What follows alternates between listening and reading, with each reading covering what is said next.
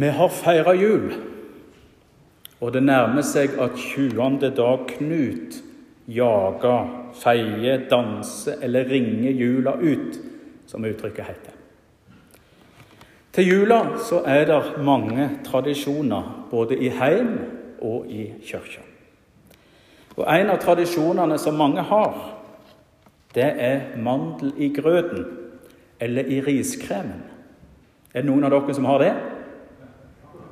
Ja, det er noen. Det er bra. Ellers så hadde ikke det gått så bra videre. Hos oss så har det altså vært mandel i riskremen på julaften etter julemiddagen. Ei mandel, selvsagt. Men ett år så skjedde det noe rart. Og jeg skal ta dere med til den julaften for noen år siden, se familien Anda. Det var den første jula Glenn som nå er min onkel og gift med tante Elisabeth, skulle feire med sin nye svigerfamilie, altså oss. Sjøl har jeg aldri feira jul hos noen svigerfamilie av åpenbare grunner. Men jeg vil tro det at en ung mann som skulle feire første jul med svigers, ville tenke at en skulle vise seg fra sin beste side og søke å innrette seg etter beste evne Sjøl tror jeg jeg hadde vært nokså forsiktig i en sånn situasjon, for å si det mildt. Som dere kanskje skjønner, så valgte onkel Glenn en annen vei. Da det var tid for riskrem og mandel etter at haren ja, vi har hare på julaften var spist opp, så eh, setter vi i gang. Og Den vanlige leiken med å skjule mandelen som en fikk, den var òg i gang. Sånn at folk skulle forsyne seg litt mer, ikke sant? Og så avslørte vi det etter hvert, når den andre var stappmett. Tante Elisabeth hun fikk mandel for første gang i livet sitt. Og hun var overbegeistra. Helt til hun fikk ei mandel til. Og enda ei mandel. Og helt til noen andre fikk mandel i tillegg. Og det viste seg at Glenn han hadde putta ei hel pose med mandler oppi riskremen. En riskrem som ikke skal ha mer enn én mandel oppi. Og jeg kan love dere at å tukle med tradisjonene i familien Anda, det gjør man ikke. Stemningen den ble såpass dårlig at Glenn sin kamerat Finn som hadde feira jul hos familien Anda tidligere, han tok på seg skylda. Slik at Glenn, som var helt ny i familien, skulle slippe. I dag kan vi le av det, men som farmor skrev i en melding sist uke Jammen var det blodig alvor når det hendte. Det kan være dere lurer på hva i all verden Preiketeksten denne søndagen har med mandler i riskremen hos familien Anda å gjøre. Og For å være helt ærlig så er det ganske lite. Men ett poeng har en viss relevans når vi ser på hva Bibelen i dag vil lære oss. Og det har med dette at Finn tok på seg skylda for Glenn sin ugjerning. Han tok Glenn sin plass, så å si, og tok skylda, sånn at Glenn, som helt fersk i familien, i den nokså skumle og tradisjonsbevisste familien Anda, skulle få slippe det som måtte komme av eventuelle reaksjoner. Se Guds lam, som bærer bort synda i verden, sier Johannes i dagens preiketekst og peker på Jesus. Guds lam. Lammet det er kanskje det viktigste dyret vi finner i hele Bibelen. Ja, det er det viktigste dyret vi finner i hele Bibelen. Og som en gamle hebraisklærer en gang har sagt det går et sauetråkk gjennom hele Bibelen. Et sauetråkk som følger Bibelen fra første til siste bok. Og det er ikke bare fordi sauer er ålreite dyr, som en politiker en gang har sagt, men fordi sauen, og særlig lammet, bærer med seg noe spesielt og symboliserer noe spesielt og har gjort det til alle tider.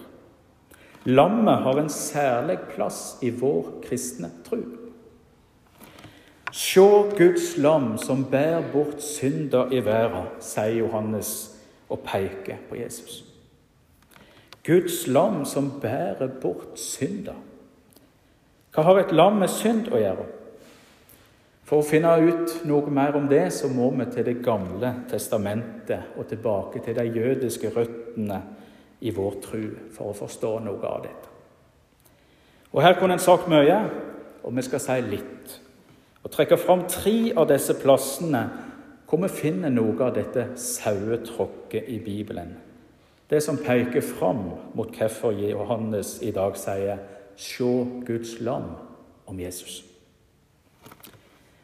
Først så skal vi tilbake til Bibelens første bok, til første Mosebok. Her finner vi en far og en sønn. De er på vei til offerplassen, Abraham og Isak. Abraham han er ulykkelig. Han har fått i oppdrag av Gud, av alle, om å ofre sin egen kjære sønn. I bibelfortellinga kan vi lese at Isak spør far sin, 'Du far, Se, her er ilden og veden, men hvor er lammet som vi skal ofre? Og Abraham svarer, Gud vil nok sjøl se seg ut et offerlam, sønnen min. Gud ville sette Abraham på prøve, og heldigvis er det bare en prøve. Gud stopper Abraham i å ofre sin egen sønn, og de finner et værlam som tar Isaks plass. Og tankene våre kan gå til en far som noen tusen år seinere lar sønnen sin dø som offer på et kors. For så elsker Gud været at han gav sønnen sin den enbårne, så hver den som tror på ham, ikke skal gå fortapt, men ha evig liv. Jesus blir lammet som tar vår plass. En annen plass vi finner dette sauetråkket, det er på det jødene kaller for Jom Kippur. Den store forsoningsdagen. En dag i året så skulle det gjøres soning. Det skulle betales, så å si, for hele folket sine synder. En bukk ble henta fram, og øverstepresten skulle legge hendene på bukken sitt hode og vedkjenne alle Israels synder og så seg overføre dem til bukken. Så skulle bukken bære alle folkets synd ut i øydemarka og bli borte med den. Og Så skulle dette gjentas år etter år. Det er her vi har uttrykket syndebukk fra. En syndebukk er en som tar skylda for andre, selv om han sjøl er ren og rettferdig og uten skyld. Derfor lammet, det reneste og mest uskyldige dyr på jorda. Ellers så finner vi òg et sauetråkk i den første teksten som Toril las for oss. Fra Jesaja-boka i Bibelen, hvor vi leser om den lidende tjeneren, et bilde på Jesus. Her står det som vi las Vi gikk oss alle vill som sauer. Hver tok sin egen vei, men skulda vi alle hadde, let Herren ramme han.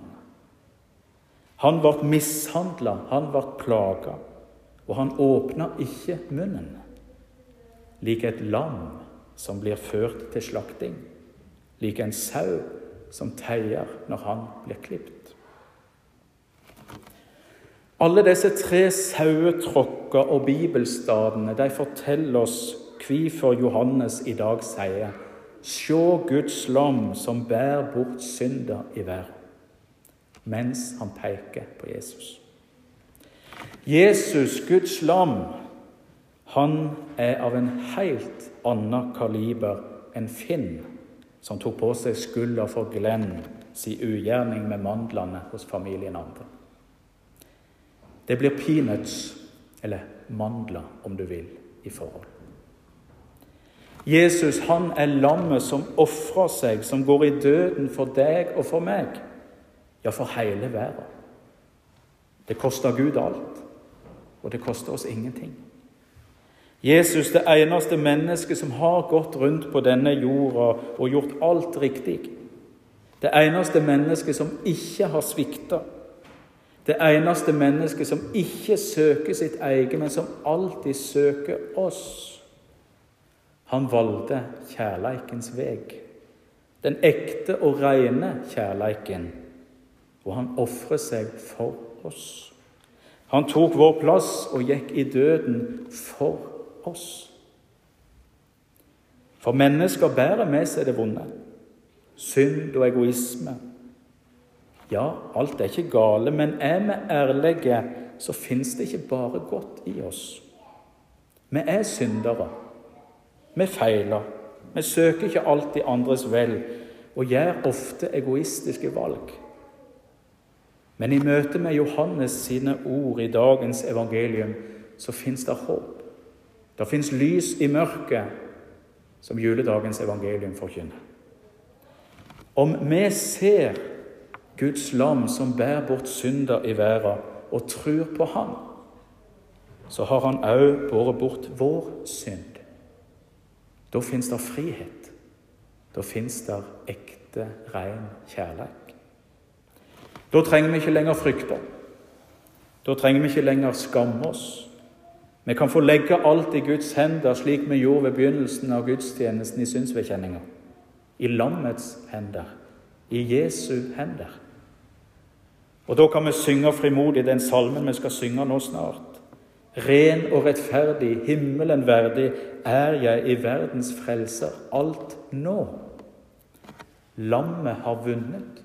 Blodet har rundet. Amen. Halleluja.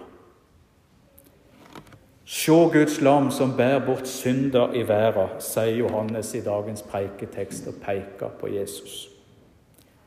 Det er Jesus som gjør det.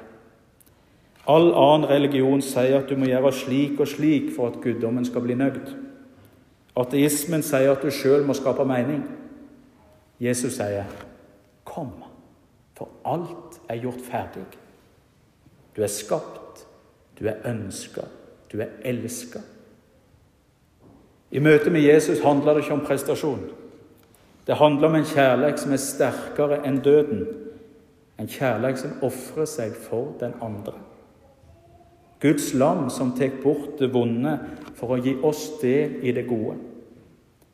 I trua på Jesus, på Guds lam, så får vi del i kjærligheten den ekte og rene. Den som Gud elsker med, den som Gud elsker deg og meg med. Alt vi trenger å gjøre, det er å rekke fram hendene og ta imot. Og si 'Jeg tror'.